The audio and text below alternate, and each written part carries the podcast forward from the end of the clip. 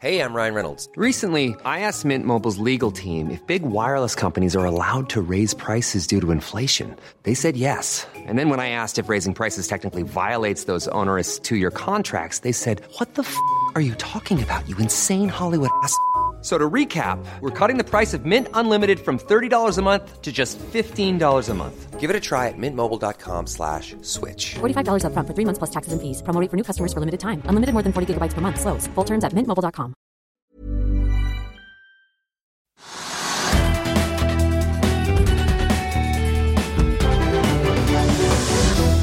En riktig god torsdag alle sammen, og velkommen til Økonominyhetene det kalenderen viser 7. desember. Børsen er ned, oljeprisen opp, og Kristen Sveaas går til frontalangrep på Solstad Offshore, Røkke og Aker etter restruktureringen av offshorerederiet som Sveaas kaller en av de mest grisete transaksjonene han har sett på Oslo Børs. Dagen preges ellers av trafikktall fra SAS, regionalt nettverk fra Norges Bank, og i denne sendingen blir det ikke minst energidebatt, for er atomkraft løsningen? Hvis samene sier nei til vindmøller på Fosen, havvind er for dyrt og fossefall må skjermes, følg med videre. Jeg tenkte bare kjapt å ta noen nøkkeltall fra markedet aller først. Hovedindeksen på Oslo Børs ned rundt 0,1 i dag til 12, ja, litt under 12,90. Oljeprisen har steget oppover til eh, 75,10, men vi så jo da under 75 tidligere i dag, og ikke minst også i går, et sted vi ikke har vært da siden starten av juli. Green Minerals-aksjen fortsetter berg-og-dal-banekjøringen, får vi si, etter at regjeringspartiene samt Frp og Høyre ble enige om at Norge skal åpne for utvinning av havbunnsmineraler til miljøbevegelsens rasende protester. Aksjen steg jo 122% på tirsdag, falt 27 i går og stiger da rundt 15 til i dag. Offshorerederiet GEO har mistet den oppturen de fikk etter havbunnmineralsnyheten tidligere i uken, og er nå tilbake der de startet. Så får vi se om Sindre Finnes tradet noen av de aksjene i løpet av uken. Wall Street falt i går og venter på jobbtall som kommer i morgen. Futuresene peker noe opp i dag, særlig da Nasdaq peker seg ut uh, positivt. Europa stort sett rødt i dag.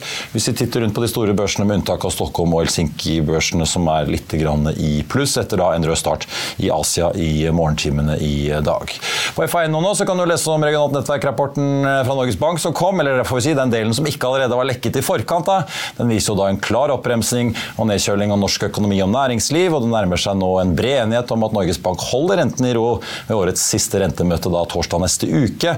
Mandag til uken kommer også inflasjonstallene for november, og heller ikke de vil skremme sentralbanken til noe renteøkning, tror sjeføkonomene vi har snakket med. Men la oss kaste oss over konflikten da som virker å være i full gang mellom Kristen Sveaas og Røkke, da, som truer Røkke med søksmål. I morges sendte nemlig investeringsselskapet til Sveås Kistefos ut en pressemelding der de altså gikk til angrep på restruktureringen av Solstad Offshore. En restrukturering som ble annonsert omtrent samtidig med at Sveås gikk inn med store midler i offshorerederiet. Og denne kritikken har vi også sett fra andre smaksjonærer komme i kjølvannet av nyheten i oktober, altså. Aker stiller jo opp med friske milliarder i kapital, og Akerselskapet American Shipping kommer inn med et skip i bytte mot aksjer. Men det legges også opp til en endring i strukturen i da Solstad, der Sveås kontrollerer rundt 15% Kistefoss reagerer på at ikke alle aksjonærene får tilbud om å bli eier i det nye Solstad Maritime-selskapet, og skriver sitat planen innebærer en direkteoverføring av verdier og kontroll til Aker, mens Solstad Offshore tappes for mellom 4 og 6 milliarder kroner. Om man tar hensyn til fremtidig inntjening og verdistigning på flåten, kan dette over tid muligens dreie seg om så mye som 10 milliarder kroner. Sitat slutt. Og nå trues altså styrene i Aker, American Shipping og Solstad med søksmål alle sammen. Lars eh, Peder Solstad, sjefen i Solstad, og for, for øvrig også storaksjonær, er ute i 24 nå i ettermiddag og sier at Kistefos sine påstander er sitat fulle av faktafeil, og hevder de aldri ble kontaktet av Kistefos om refinansieringen. Så dette er jo mildt sagt da et sakskompleks i utvikling. Ellers et par nyheter kort om fly og bil. Bilia tar nå grep for å bedre lønnsomheten etter får vi si, noen krevende tider for næringen der. Bilia tar kinesiske Xpeng inn hos ytterligere tre forhandlere. Overtar også Xpengs egeneide showroom i Bjørvika og servicesenteret i Lørenskog. Og så er det trafikktallene fra SAS, da, for mens Norwegian hadde en svak nedgang i antall passasjerer til 1,3 millioner i november og tok ned kapasiteten med rundt 6% så eh, for å tilpasse da lavsesongen så har SAS en oppgang på rundt 10% til 1,8 millioner i november. De økte også kapasiteten med omtrent det samme. Fyllingsgraden til SAS likevel da ti gode prosentpoeng under Norwegian. SAS endte på et par og 70. SAS leverte jo for øvrig da regnskapet sitt for regnskapsåret 23 i forrige uke. Et år som endte med et underskudd for SAS som var minst en halv milliard mer enn det selskapet tidligere hadde guidet på. I morgen så er det for øvrig frist for Norwegian for å svare Konkurransetilsynet, som foreløpig da har sagt nei til videre oppkjøpet deres. Vi kan vel forvente at Norwegian ikke akkurat er enig i konklusjonen fra tilsynet i Bergen. Vi er tilbake med får vi si, energidebatten rett etter dette. Vil du bli oppdatert på det viktigste som har skjedd innen finans og næringsliv? Da er det bare å følge med, for hver morgen er jeg, Marius Lorentzen og aksjekommentator Karl Johan på plass i studio for å ta tempen på dagens marked i Børsmorgen. Og hver ettermiddag oppsummerer vi alt du trenger å vite i økonominyhetene, og det blir selvfølgelig masse interessante gjester. Klikk deg inn på fa.no-tv, eller søk opp Børsmorgen og Økonominyhetene der du hører på podkast.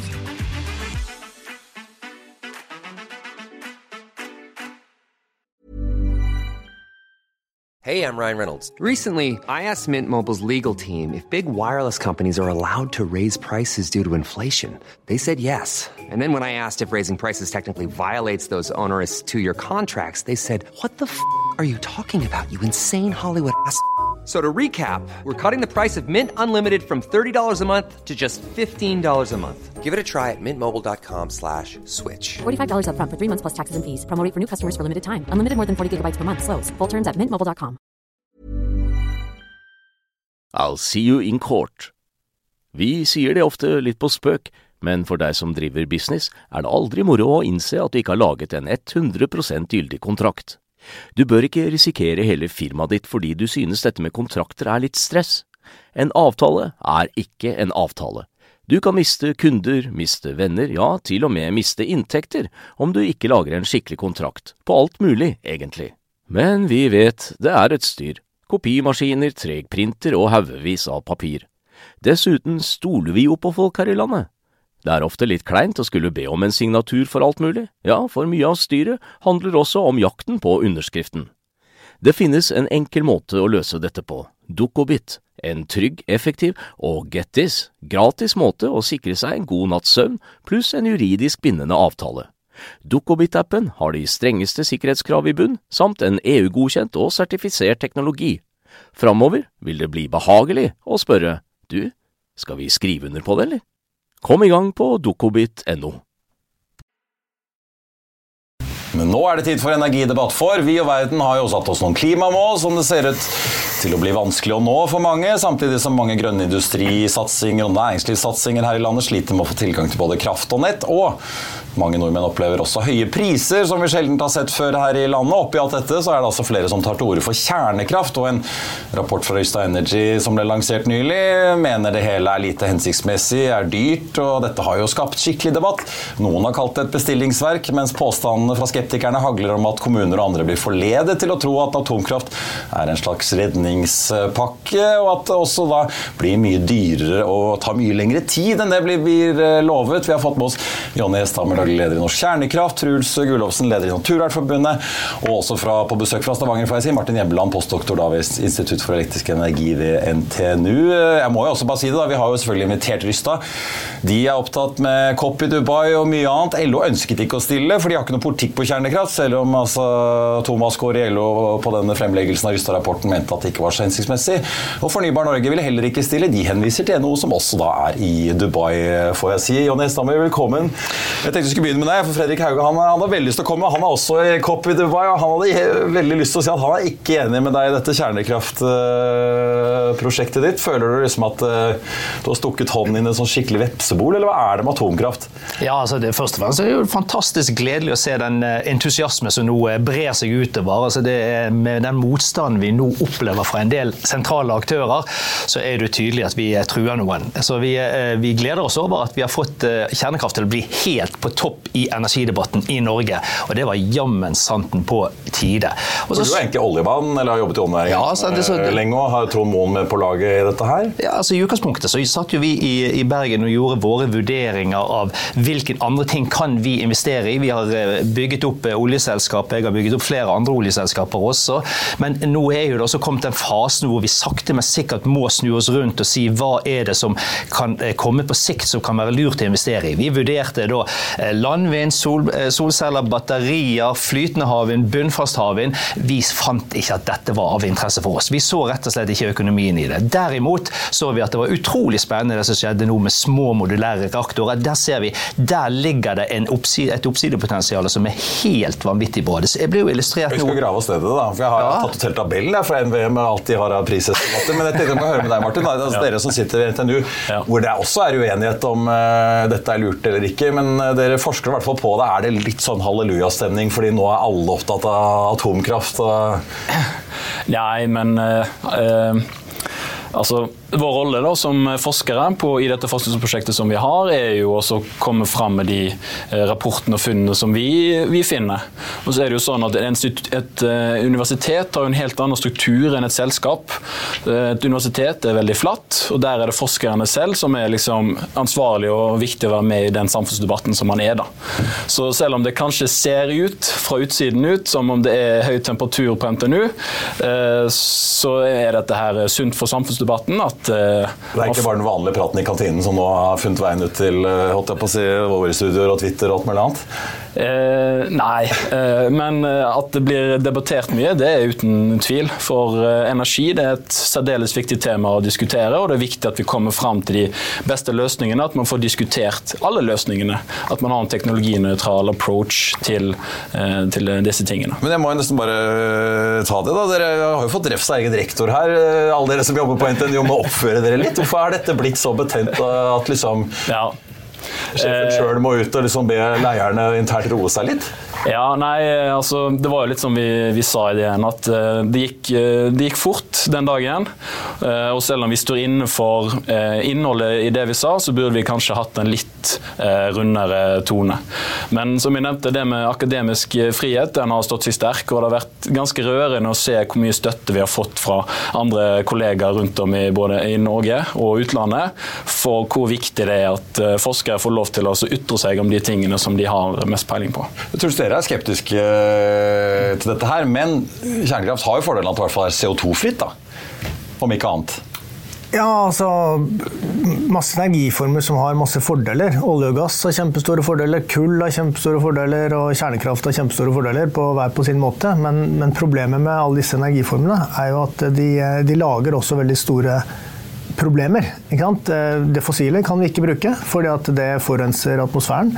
Og kjernekraft eh, er jo en skummel løsning som miljøbevegelsen og Norge og veldig mange land har bekjempet i veldig mange år. Eh, Bl.a. og hovedsakelig pga. at det skaper altså et avfall som er forferdelig vanskelig å håndtere på en ansvarlig måte, det også. Det skaper i mindre grad klimaendringer, men i større grad andre utfordringer. Men Er det primært avfallet, eller er det Avfallet er det største problemet med kjernekraft, og det er også det, det største problemet med, med, med den såkalte øh, altså moderne nye generasjoners kjernekraft. Og så kan det skje ulykker, og det kan øh, skje andre ting i, i prosessen. Det er veldig altså kraftfull uh, teknologi med veldig store potensialer for at ting skal gå galt mange steder i kjeden. Derfor har man jo i Norge sagt nei takk til kjernekraft. Og så blir det litt ekstra nå med den nye diskusjonen. Eh, for eh, Jonny og disse andre selger da inn til Nei, men nå er det ny teknologi. Nå er det små modulære, bitte små Hver kommune sitt ja. atomkraftverk. Og det er helt uproblematisk. Det er bare å gå og kjøpe, og så ferdig med det. Og også er Det underliggende budskapet er at da trenger man ikke tenke på de andre tingene. Energisparing, prioritering og de andre utfordringene vi har i energisystemet. Og da blir det veldig feil på mange nivåer. For, for det første så er ikke disse her reaktorene som han går og selger, de er ikke tilgjengelige. De er ikke engang ferdig utviklet, og de kan ikke kjøpes. Eh, det er ikke noe quick fix. Det er ikke bare å sette de opp eh, rundt omkring i kommuner. Eh, det koster masse penger, og det har fortsatt disse problemene med sikkerhet og avfall. Så det er ikke det, er ikke det at det ikke nødvendigvis Også Kjernekraft har vi jo i en del andre land. Store, svære saker. Det virker, det også, men det genererer store problemer. Og det vil også kjernekraft i Martin, forsker, før jeg går til Jan, avfallet. Altså, hvor stort problem er det i realiteten når dere ja. ser på det? Nei, altså fordi, altså som, en, som, en, forsker da, så er det viktig å se det er jo som Truls sier, at alle energiformer har sine fordeler og har sine ulemper. Så man må sette ting i perspektiv, sette det i kontekst for å se på okay, hvor farlig er dette, hvor farlig er dette. Og Da har f.eks. EUs vitenskapspanel gjort en, en, en, glimrende rapport i forbindelse med taksonomien som kom for noen år siden, og sagt det at moderne kjernekraft er den sikreste energiformen som menneskeheten har skapt. Og farlig med avfall det kan trygt lagres på en god måte. Og det er meg bekjent ingen som har dødd av eh, radioaktivt avfall. Det har vært én hendelse i Japan med et reprosesseringsanlegg. Så når man, når man sier at det her er noe som er kjempefarlig, om det ikke finnes en løsning på, så er det vanskelig å forstå liksom, faktaene som ligger bak den uttalelsen. Fordi her viser jo både Finland og Sverige som nå holder på, at det her går trygt an og mulig å lagre 400-500 meter under bakken. Og i worst, worst case så vil generasjonene som bor oppå dette området om noen tusen år, kunne få en ekstra strålingsdose tilsvarende en banan eller to. i worst, worst case. Så det er ekstremt viktig at man setter tall i kontekst når man uttaler om det er sikkert eller ikke. For Ellers blir det litt mer sånn skremsel om at eh, nå radioaktiv stråling er farlig. Altså, Jeg er radioaktivt, Jonny er radioaktivt, men det er ikke farlig å sitte med andre fordi den stråledosen som kommer fra meg, er såpass lav. Så Man må sette ting i kontekst før man har en sånn uttalelse. Ja, jeg vil høre, eh, snakke om liksom disse kommunene. Eh, Svein Harald Egar, styreleder i Doff Norwegian, eh, kjent investor, har jo også kommet med en ganske breiside mot dere og mener at dere holder kommuner som Høyanger og sånn for narr når dere snakker om at her kan man bygge atomkraft og slippe vindkraftparker. Ja, er dette en måte å selge inn litt mer spiselig enn å bare si vi trenger svære atomkraftverk sånn som de har bygget i Emiratene? Nei, for all del. Altså, vi, må, vi må ha respekt for de kommunene som ikke ønsker vindkraft. Det er en rekke kommuner som har sagt nei til det. og så tenker jeg at Det må kommunene få lov å velge sjøl. Så trenger de kraft. De ser at de står i en skvis, og derfor er det 40 kommuner som har tatt kontakt med oss. Men eh, jeg, jeg, ser jo, sånn som du sier, Truls, at teknologien finnes ikke, det går ikke an å bestille. Så var jo det akkurat det samme som Jaran Rystad sa. Eh, jeg kan glede folk med i dag. da.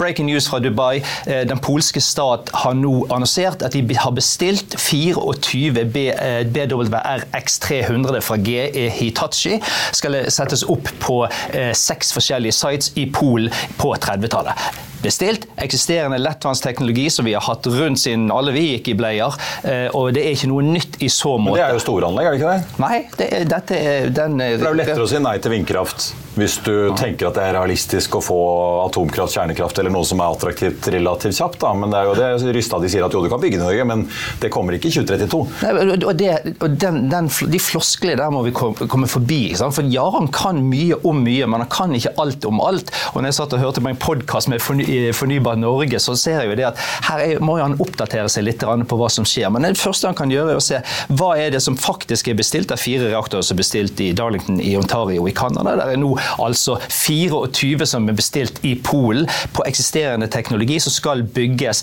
fra slutten av dette tiåret eh, til begynnelsen og de første årene på 2030-tallet. Det skjer. Og det er små modulære reaktorer som tar plassen til en fotballstadion, som kan plasseres i hjørnet på en industripark, hvor du også kan gjøre det lille trikset som eh, Rystad ikke tok med i rapporten. Da. Du kan ta dampen på 200-300 grader, eh, legge den inn i industriprosesser, om det er fuels eller hydrogenproduksjon eller andre ting, som gjør at vi kan eh, forbedre, forbedre økonomien i disse prosjektene. Det er jo det som vi ser med våre private investorer. Vi tar våre valg. Og så må jo Øyga gjerne som styreleder i Doff sette i gang med, med subsidiekrevende flytende havvind. Det skal ikke vi blande oss opp i, det må han gjøre. Ja, peker på landbasert vind, NVE sier jo det, og 41 øre kilowattimen i balansepris hvis du regner både investering, drift og brensel. Atomkraft 76, eller ja? Ja, men, men der gjør vi den samme tingen at vi spår om hvordan disse små modulære reaktorene kommer ja. til å levere. ikke sant? Store kraftverk sier eh, NVE at det er 78. Hele poenget med å bygge disse små modulære reaktorene er jo den masseproduksjonen, den standardiseringen som gjør at vi skal få ned prisen. Men får vi, du det ned til vannkraft og landbasert vind som ligger på rundt 40? Det er jo halv pris. Kan, kan, jeg få lov å illustrere det med et lite eksempel? Ja, hvis du er litt, ja, jeg skal, ja, ja jeg, skal, jeg skal ta det veldig raskt. Uh, ifølge Pareto så koster det 420 milliarder kroner å bygge ut 40 terawattimer med landbasert eh, kraft. Det kom jo Pareto ut med en rapport der. Det var basert på Energikommisjonens ønske om 40 terawattimer. 420 milliarder. For det så kan du altså bygge tre stykk av det enormt kostnadsoverskridende eh, Olkiluoto 3 i Finland. Ja. Ja, det kostet 125. Det koster 375 milliarder å bygge ut tre av de. Da får du akkurat like mye kraft. Men hadde du bygget disse små modulære eh, kraftverkene, så ville du fått faktisk dobbelt dobbelt så mye strøm, i tillegg til at du ville få varme. Så det, denne floskelen om at eh, vindkraft er så billig, og så må jo, det kan jo Martin si litt om, det, men du har jo systemkostnader, nettutbyggingen, eh, hydrogenkraftverkene som må stå der, batteriene som må bygges opp rundt dette. LCOE er jo en meningsløs eh, måleparameter for fornybart. Han var aldri ment for å være for fornybart, han var ment for eh, regulerbar kraft, som varmekraftverk, eh, som kjernekraft eh, fossilt. Gasskraft ja. Ja. Nå svinger det litt, men kull ligger på 126, så det er i hvert fall ikke så veldig lønnsomt. Truls. Men vi så jo på COP i Dubai nå.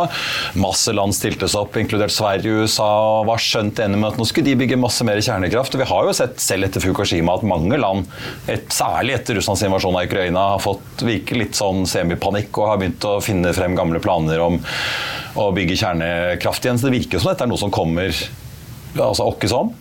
Det, det, kan godt hende det er en del land som, eh, særlig de landene som har erfaring med kjernekraft, at de vil plukke opp eh, Snu på sine utfasingsplaner og satse videre. Og Vi ser jo mye av den politiske diskusjonen i Sverige eh, er jo sånn. De har ennå ikke gjort noe. De har hatt nå massiv politisk støtte fra sin regjering, og de har lovt 400 milliarder i subsidier til de som vil bygge kjernekraft.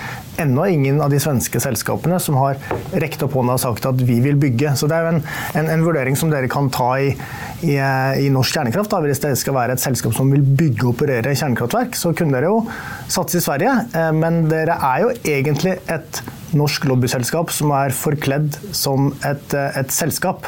Eh, og det syns jeg jo ja, De vil jo bygge kjernekraft. Ja, men da burde dere søke i Sverige. For nå kan man søke om å bygge kjernekraftverk hvor som helst i Sverige, og da få til og med subsidier som dere påstår at dere ikke trenger, men det står klart i Sverige, og ingen selskaper har søkt. Og ingen svenske selskaper har heller bestilt noen av disse SMR-ene som du nå sier at Polen har bestilt. Så hvis dette hadde vært enkelt og lett tilgjengelig, så hadde sannsynligvis kjernekraftland som Sverige og Finland gjort dette for lenge siden.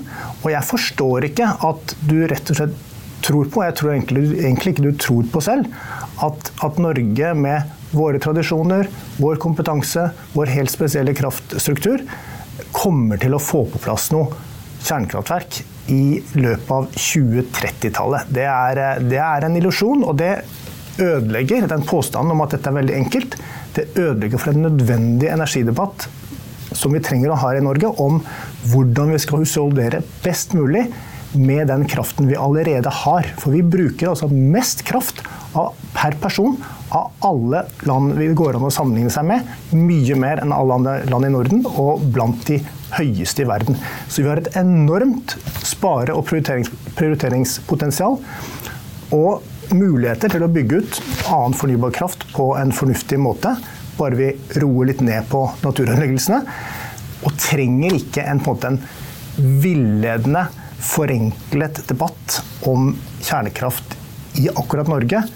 Og har tid, hvis vi prioriterer riktig, til å se hvordan disse her visjonene utarter seg til praktisk virkelighet i land som har erfaring med teknologi. Så i hvert fall er flinke til å ikke bruke naturgass til å varme opp eh, hus og hjem, sånn som britene har. Da. Men, men altså, vi, ja. vi, har jo kraftmangel på en måte i teorien. Altså, vi er kun, ja, altså, jeg, har ikke en krise sånn sett, men det er jo veldig mange bedrifter som ønsker å satse i Norge, bygge grønne ting. De får nei. Det er ikke nett, det er ikke nok uh, kraft å få ut. Ja, det, det, det, de kan jo få vindkraft og solkraft mye fortere enn atomkraftverk, selv om du kanskje kan levere, men det blir jo ikke før 2035, tror du? Jo, jo altså, jeg, jeg, altså, jeg, ser jo det at uh, der er et ønske fra, fra myndighetene og fra Truls om at de skal satse på fornybart i stedet og skal bygge ut vindkraft bl.a. Det som jeg tror, jeg, hører det du sier om at vi kan ha uh, reduksjon i forbruk. og Jeg er ikke uenig med de betraktningene. Jeg tenker det er, det er fornuftig. Når kommunene sier at ikke vi skal bygge dette i Sverige, så fordi at kommunene har behov for sine arbeidsplasser. De skal bygge opp industri, de skal bygge opp arbeidsplasser arbeidsplasser. Er, vi kunne jo sagt at nei, la oss gjøre det i Sverige, og så er det Sverige som får bygd det opp. Men disse distriktskommunene de ønsker jo å gjøre det sjøl. Men det som jeg tror er den totaliteten som vi må ta inn over oss, som jeg har veldig lyst til å diskutere i detalj med deg, Truls, det er jo det der at eh, halvparten av, fossil, eh, av energiforbruket i Norge er fossilt. Halvparten. Og halvparten av energien vi bruker, kommer ikke ut av stikkontakten. Vi er jo mer elektrifisert enn alle andre land, bortsett fra sånn som Island. Men eh, det som vi ser da, at hvis vi, det er 160 TWh med fossil energi, det skal vi elektrifisere. Så hvis vi har en effektiviseringsgrad på 50% som i beste fall, vi skal tross alt ha hydrogen og e-fuels, den typen ting, så reduserer vi det fra 160 til 80. Så sier f.eks. DNV at vi blir 1 million flere mennesker i 2050. Da kan du legge på 50 terawattimer til. Og så er det planer, og selv om vi kan si hva vi måtte ønske med det, så sier vi at det er planer om å bygge ut batterifabrikker, karbonfangst og -lagring. Vi skal ha masse aktiviteter. Eh, industri som krever kraft. Så kan du legge på 50 til. Da kommer jeg opp i sånn 180 ekstra terawattimer når jeg gjør mine regnestykker. Og så kan du begynne med trelags vinduer, varmepumper, eh, eh, forbrukskutt. Bidra så mye som vi kan på den siden der. og der er helt enig med deg, Truls, at det må vi faktisk gjøre. Men jeg, jeg, vi kommer, når jeg ser på disse tingene, så tror jeg ikke vi kommer lenger ned. Vi kommer til å trenge ytterligere i hvert fall 150 TWh. Og da er jo problemet at hvis vi ikke setter i gang med kjernekraft nå, så risikerer vi at svaret blir massiv utbygging av landbasert vind. Og jeg er ikke sikker på at det er det dere i Naturvernforbundet egentlig ønsker. Så faren er at dere tar feil i regnestykkene deres. Martin, se, se litt på for at hvis tar Tyskland, da, som først ble liksom lovpriset for å revolusjonere sol. Masse subsidier fikk det inn. Ja. Men nå er det mange som ser på det som et sånn skrekkeksempel når du ser på hvor mye CO2-slipp de faktisk har fra kraftsektoren. De må importere masse kullkraft, de skal stenge kjernekraftverk. Ja, de har stengt alle. Ja. Ja. Hvordan har det gått når du ser på det liksom med forskningsøyne? For det er jo en liten sånn Ja. case-studie for én måte å gjøre et slags grønt skifte på. da. Jo, jo, uten tvil. Og for noen år siden så var jo altså, den modellen som Tyskland fulgte, det var liksom stjerneekstempelet, og, og flere andre land som ble inspirert av å følge den type modell. Men eh, som man har sett i ettertid, da, er jo om kanskje at hvis de hadde hatt en mer teknologinøytral approach til dette her, at hvis de hadde stengt ned kullkraften før de begynte på kjernekraften, så hadde de hatt en helt annen CO2-utslipp i landet sitt nå, eh, som gjør at eh, man kanskje burde ha gjort ting, ting annerledes. Man har gjort seg avhengig av russisk eh, gass. Eh, og nå i det siste så var jeg på en eh, konferanse hvor de, hvor de snakket om at nå er det hydrogen som skal bli det store i, i, i Tyskland, men de klarer ikke å lage alt selv. Så da skal de, må de importere dette her. Og da har de reist til bl.a. De har vært i Norge, de har vært i Canada, men det er også verst i Nord-Afrika og Midtøsten for å sørge for at de kan få eh, forsyningskjeder. Så der lurer du litt sånn på om har man lært av de feilene man har gjort med å gjøre seg avhengig av andre eh, ikke-vennlige eh, land i sin energiforsyning. Men du pekte, vi også, du pekte også på kraftnettet, hva som, Ja. har skjedd der. Ja, etter Etter at de har innført og- mye mer eh, Nettopp. uregulerbare kraftkilder. da. For, altså, som, altså Den konvensjonelle kraftsystemet hvor du har termisk kraft, så bygger du et et termisk kraftverk. Du har en by med et forbruk, og så har du en strømlinje som går imellom. Men når du har fornybar kraftproduksjon som er produserer litt mer spredt rundt over landet, så må du bygge mye mer nett i det kraftsystemet. Så hvis man ser fra 90-tallet til frem til den dag i dag, så har utnyttelsen av strømnettet i Tyskland gått ned fra 65% til under 30% Så det er jo, De bruker mye mindre av det strømnettet som, eh, som er installert. Fordi de må ha masse i reserve den dagen det blåser og Yes, finner Og, ja. yes, yes. Og det, det samme ser man jo i Norge nå, f.eks. Hvor det er en eh, prisforskjell mellom eh, nord og sør i Norge, fordi man har kun begrensa effekt mellom disse områdene. Og svenskene tjener på traden imellom. Men Truls, Ja. sett fra miljøbevegelsens side, da. Nå har vi jo den Fosen-saken som er jo en hodepine for regjeringen, og hvor det enda ikke er kommet med noe løsning. Som er, ser jo litt pinlig ut når Høyesterett Det er har sagt hva de har sagt. Ja. Eh, vi har og lokalt opprør mot uh, landbasert vind. Havvind har vi jo sett kostnadsnivået skyte i været, alle problemene den næringen har. Det blir jo pluss og minus på alle energiformer, som du selv var inne på. da. Hvordan ser dere da alternativene til kjernekraft? Ja, Er, det, ja. er det noe som i realiteten er bedre? Altså, det, er ingen, det er ingen som må tro at eh, dette med energi er lett. Ikke sant? Og da har jo det, det utmerkede klimautvalget i 2050, som eh, rapport, laget en rapport som alle bør lese, de har jo eh, en av, en av slagordene derfra er jo på en måte at vi må gjenoppdage som samfunn så må vi gjenoppdage knapphet. Sant? Det er ikke overflod av alt. Vi har ikke ubegrensa ressurser. Men tror du vi kan, altså, energi. Halvparten av energiforbruket i Norge kommer fra fossilt, Ja, ja, ja. tror du vi kan spare oss til det? Ja. Med befolkningsvekst? ja. Fordi at Da blir det en ny levekår for Ola Ja, men, men det er nødvendig. Altså, vi sier, vi, vi har disse klimamålene, de skal vi nå. Og så har vi disse naturmålene, de skal vi nå. Og hvis vi styrer mot det, hvis vi er seriøse med å nå de målene, så betyr det at vi ikke kan fortsette å bruke så mye energi og så mye plass som vi har gjort fram til nå. Ja, for det er fair med det. Jeg bare Vår- opplever ikke at det er mange politikere altså, som at er de legger opp til at vi skal dagens- halvere energiforbruket vårt. Nei, men Det er vi nødt til å gjøre. ikke sant? Vi er nødt til å gjøre det. Og, vi, også, og, og da, I denne utmerkede rapporten, Klimautvalget 2050, så introdus- reintroduserer det gamle rammeverket UFF. Unngå unødvendig forbruk, unødvendig aktivitet. Flytt fra dårlig til bedre, f.eks. da fra privatbil til kollektiv. Det er det aller enkleste. Og så i bunnen av det så må du forbedre det du har igjen. Og da kommer på en måte fra fossilbil til elbil. ikke sant?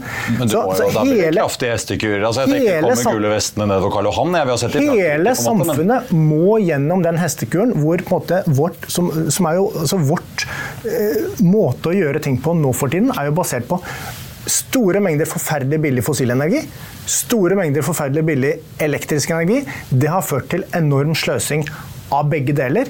Vi kan ikke bare gå, altså fortsette med, på det forbruksnivået, det sløsenivået, det er noen blir sur når jeg sier sløsing, men, men det er sant, eh, og regne med at vi bare kan erstatte det ene med det andre. Det går ikke. Og det er derfor jeg blir litt sånn, også litt sånn eh, altså, prinsipielt irritert av dette er at jammen vi bare slenger inn vindkraft, vi bare slenger inn havvind, vi bare slenger inn eh, atomkraft, en eller annen ny teknologi inn i den miksen for å unnskylde at vi bare skal kjøre på med mer forbruk. Det store markedet for eh, Finanspoddens lyttere er jo i mer effektiv bruk av de ressursene vi har. Mer sirkulær økonomi, mer energisparing, mer energismarte prosesser. Altså halvering. Hvor, Halvering. Hvordan skal vi få plass til industri og at det er på de kraftkrevende arbeidsplasser? Er Altså, kraftkre kraftkrevende skal Asia og industri- USA ta det fra? Kraftkrevende industri har kutta sine utslipp med, med, med langt over 50 og Hvis du smelter aluminium og gjenbruker resirkulert aluminium, så bruker du 5% av energien. Det er, Jo, men er det plass til et norsk Hydro i et Norge som halverer energiforbruket? Forbedring. Det er plass til Norsk Hydro, og det skal det være, for det er noe vi skal ha med oss inn i framtiden. Men det er masse annen sløsing. så tror jeg- vi ikke ha med oss inn i framtiden. Eh, Men, men, men, men det det, som er, det, det som er greia her, er jo at, er at det, eh, det er ikke sant at vi kommer til å ha ubegrensa mengder med atomkraft i Norge i, på 2030-tallet. Det kommer ikke til å skje. Det er ikke sant at det kommer til å være massivt heller med havvind. Det kommer ikke til å skje. Så det vi må gjøre, er å skaffe oss handlingsrom med å frigjøre energi. For ved å kutte det overforbruket Det er jo kanskje, dere kan jo svare på Det begge to, det er kanskje den brutale sannheten, for det ser jo ikke ut som vi når klimamålene våre for fem flate øre i 2030. Altså Statkraftsjefen sier han kommer ikke ta en vindmølle i havet før 2030. Ja. Så det er kanskje egentlig den litt brutale sannheten som ingen egentlig kanskje liker å høre, da, hvis vi skal nå disse målene som er satt. Ja, det, det ser ikke lett ut. Og det er ikke lett heller. Men, men det er jo, eh, jeg tenker sånn, eh, hvis, hvis du først skal betrakte disse tingene, så kan du si sånn eh, Den idealisme som Truls representerer, der er, der er veldig mye bra med det, men jeg tror økonomi til syvende og sist overstyrer det. ikke sant? Sånn at kraftforbruket kommer til å komme. Og hvis du Ja, men det illustrerer vel kanskje realismen i den skvisen med at disse målene som er satt, i realiteten hvor ekstremt Ja. vanskelig det er å nå, da. Ja, altså vi, vi kutter jo ikke det fossile forbruket hvis vi ikke har nok kraft. og Da fortsetter vi å bruke det fossile. ikke sant? Altså så, verden fungerer nå en gang sånn, og det gjør den utenfor Norge også. Norge er tross alt kommet lenger enn mange andre eh, land. Men det som er det viktige her, er at hvis vi trenger kraft, og hvis det nå er riktig, Truls, at, eh, at EUs vitenskapspanel og FNs UNESA har rett i at det er trygt, at avfallet kan trygt håndteres, sånn som de sier eksplisitt. Hvis det er riktig, så er jo fordelen med kjernekraft at den øker forsyningssikkerheten. eh, udiskutabelt. Den reduserer behovet for naturinngrep. Også udiskutabelt. Veldig mye kraft på veldig lite areal. Den reduserer også behovet for nettutbygging, for du plasserer kraften der han trengs. Eh, Og så vil han jo da for forbrukerne stabilisere strømprisene. Du får mindre systemkostnader, og fordi at du får mer strøm inn i nettet, så blir strømprisene billigere. Det er jo dette som er et energitrilemma, som er det kinderegget som kjernekraft kan bidra. Så la oss ta en forutsetning da, Truls, om at kjernekraft ikke har de sikkerhetsmessige og de avfallsmessige problemene som du tror, og så kan vi grave oss ned i den delen der. Og hvis det viser seg at, at det er rett at det er sikkert og det er trygt med avfall, så kanskje vi skal revurdere det i fellesskap. For det er mange i Naturvernforbundet som også ønsker kjernekraft inn i energimiksen. Martin, jeg tenkte bare høre med deg, altså sånn, øh, når dere sitter på NTNU og ser på dette her. Han mener jo sikkert han kan bygge denne kjernekraften eh, ganske greit. Vi så i det som har skjedd i Emiratene at de har fått eh, koreanske selskaper til å gjøre det. For der har de relativt god erfaring med det og en viss kontinuitet. Så er det sånn Hitachi og noen amerikanske aktører. Hvis vi skulle bygget dette i Norge eller i Sverige, igjen, for den saks skyld, da, kan vi bare basere oss på at dette kan vi, vi kan ringe til Korea og få en hel gjeng som kommer og, og på en måte setter opp dette for oss. Litt som vi ser Morrow Batteries gjøre i Arendal, hvor det tross alt er arbeidslag fra Korea som bor i brakkebyer og bygger opp batterifabrikken for oss nordmenn. Som jo er ganske fascinerende å observere. Ja, altså, Den strategien er den jeg ser for meg som er den lure. Altså, det var lignende som Eller må vi ha et fagmiljø i Norge? på en måte? vi, vi har jo allerede et lite fagmiljø i Norge, men den kompetansen på å bygge, den må vi jo få, få inn. Og så er det veldig mye konstruksjon. altså Det er veldig lite reaktor- og kjernekraftteknologi i å bygge kjernekraftverk. Det er 90% liksom ingeniørvitenskap, og det har vi mye god peiling på. Men det er enkelte ting som vi må ha hjelp på. Eh, Vi må ha opp, uttrene operatører som skal drifte dette kraftverket. Men der har vi allerede et miljø i IFE som har en av verdens eneste SMR-simulatorer, hvor de driver og forsker og skal drive med opptrening av operatører som skal jobbe på SMR-er. Så vi har allerede litt eh, den dag i dag i Norge. Eh, Og så har jeg eh, stor tro på at de som har lyst, og de som jobber for dette, de klarer helt sikkert å få det til. Men at det blir utfordringer, det blir det. Altså, det er jo litt sånn at eh, det, er jo ingen, det er jo ikke bygd en BWRX 300 den dag i dag, så man vet jo ikke hva prisen blir. Men nå er det kommet inn veldig mange bud som skal bygge. Og en annen ting man også vet er at Per enhet av energi så kreves det flere arbeidere på en SMR enn på de store konvensjonelle. Så da vil det nok bli en høyere eh, kostnad knytta med arbeidskostnad. Eh, Så, det er pros and cons. Og, og mer avfall per kilowattime. I de små Jeg vil høre med deg, for jeg snakket Ja, ikke høyverdig, men uh, kanskje lavverdig. Det har du nok rett i. Truls, jeg vil også høre med deg snakke med Fredrik Hauge, din bransjekollega i Bellona. Kritisk dette her, men han mener at vi må heller begynne med gasskraftverk med CCS eh, i Norge. Altså lagre, rense ut CO2-en, lagre den. Er det et realistisk scenario, da? Vi har masse gass på sokkelen, i hvert fall. Ja, jeg mener jo det er omtrent like dumt, må jeg innrømme. Eh, og, den diskusjonen har vi vært, har vi vært i Norge i, eh, i eh, 20 år. Hvor det på en måte eh, La oss bygge gasskraftverk fordi at vi trenger masse mer energi. Det er basert på samme logikk. da. Altså Hvis man trenger masse, skal akseptere at vi trenger masse mer energi, masse mer kraft, eh, så blir diskusjonen om hvordan man skal på en måte skaffe den krafta, istedenfor diskusjonen om hvordan vi skal husholdere med det vi allerede har. Eh, Og når det gjelder gassen, da, så tror jo jeg er, eh, Hvis man først skal bruke den ressursen, da, så tror jeg det er lurere å gjøre det om til hydrogen et, som kan brukes i et europeisk eh, system, enn å gjøre om den verdifulle ressursen til, til, til kraft til det norske strømnettet, bare fordi vi ikke klarer å spare. Men, men den diskusjonen om måte, hvilken rolle gassen skal ha i, i framtiden, det, det, er en, det er en stor og interessant og utfordrende diskusjon. Men det som vi er litt enige om her, da, når det gjelder atomkrafta, er at det, det er ikke en quick fix.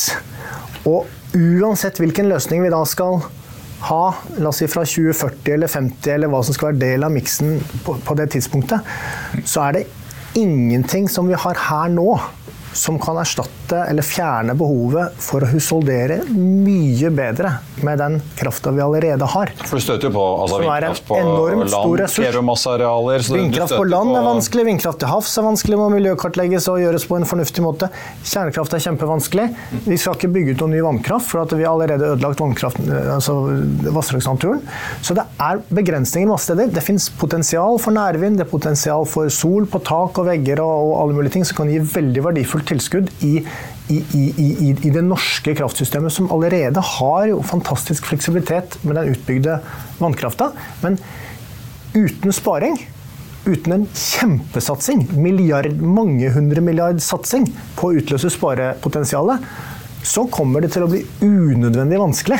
Og unødvendig mye hastverk og unødvendig mye dårlige beslutninger i tiden som Men dere har en salgsjobb hvis nordmenn skal halvere energiforbruket sitt, da? Ja, men det er fullt mulig. Men Jeg kan skyte inn én liten ting der når du sier det. fordi at jeg ser jo det, Når du ser på prognosene for kraftforbruk framover, så er det en jevn økning eh, framover mot 2030, og så er det en ganske jevn økning fram mot eh, 2040.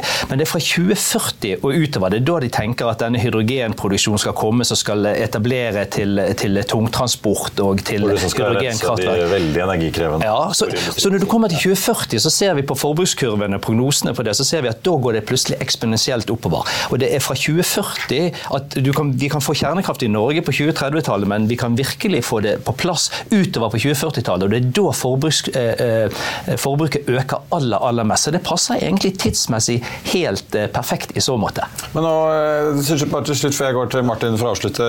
Hvis det ikke blir noe av disse små reaktorene, går dere da for de tradisjonelle store som vi har sett i Emiraten og Finland? Nei, vi skal ikke bygge de store. for det, Poenget med de små er at det koster omtrent like mye å bygge en liten modulær reaktor som det koster å bygge ut et oljefelt på eh, 50-100 millioner fat i Nordsjøen. Sånn eh, 15 milliarder kroner der omkring. Det er håndterbart for private penger. Det har vi drevet og gjort i oljeindustrien i alle år. Vi skjønner risikoen med det. Vi vet at vi må ha et avkastningskrav som reflekterer disse tingene. Men når vi gjør våre betraktninger rundt det, så ser vi at det er håndterbart. Vi vet at det er private equity-penger der ute. Der er, eh, der er venturefond som ønsker å se på dette. Der er Kjører du pensjonskassefond. full size, da må det Ja, og, og, ja, og, ja, og Da må husk, du jeg ja, og husk når du kommer til 2030, så er veldig mye av risikoen tatt vekk. Vi skal jo ikke ha pengene i dag, vi skal ha det ut på begynnelsen av 2030-tallet. Og da vil mye av risikoen være borte for de investorene som kommer inn. Også forsikring må dere også ha. Forsikring. Ja, ja, da, det, og det, går, det, det løser man på samme måte Jeg som man jeg vet ikke om. Trygve Slagsvold Vedum stiller som stellasserandør, men uh, Martin, til slutt. Ja, tror du vi får noe avklaring på dette? Altså, når er det vi vet disse som SMR-reaktorene holder? Eh, godt spørsmål. 2030? De, må Rystad mener at vi får ikke bestilt noe i Norge for 2035. Ja, ja, men, eh, la, oss, la oss se til Sverige. da. Altså, de har sagt eh, i deres planer at uh, inntil 2035 så vil de ha to store ekvivalente kjernekraftverk. Så det kan være enten to store eller flere små. Uh, og jeg tror Hvis de sier 2035, så, så er det vanskelig for Norge å kunne klare å slå det, da, mildt sagt. Fordi en satsing på kjernekraft det vil kreve ganske mye. Det er ikke noe som man gjør som en enkeltselskap, men det gjør man som et land. Fordi man må ha mye ressurser og lovverk og regulator på plass som skal være i stand til å håndtere dette. Så det eh, Men fra 2035 og utover så eh, bør det være mulig. Da er det store, store muligheter, Ja. uten tvil. Men bare for, hvis jeg kan få Ja. kommentere på den energieffektiviseringssaken.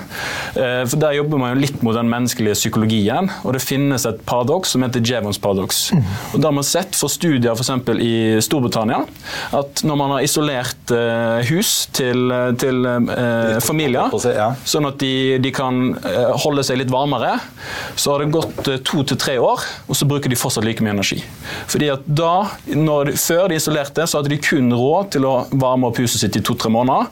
Så etterisolerte de, og da klarte de også å ha nok penger til å varme opp et, halvt år.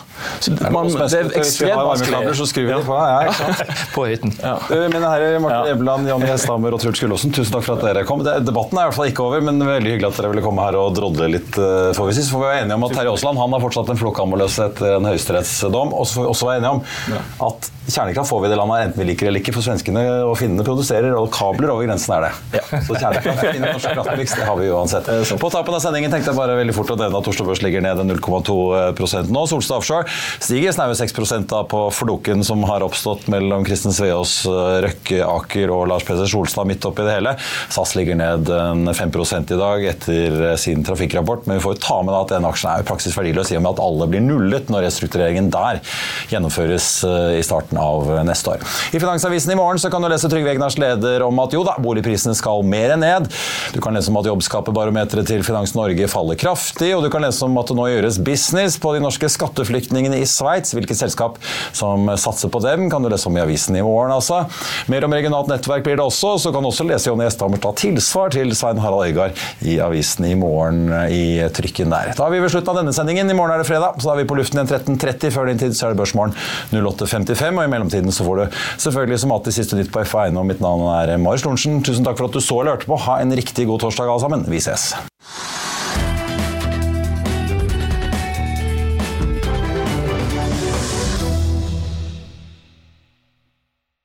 Økonominyhetene er en podkast fra Finansavisen. Programledere er Marius Lorentzen, Stein Ove Haugen og Benedikte Storm Bamvik. Produsenter er Lars Brenden Skram og Bashar Johar. Og ansvarlig redaktør er Trygve Hegnar.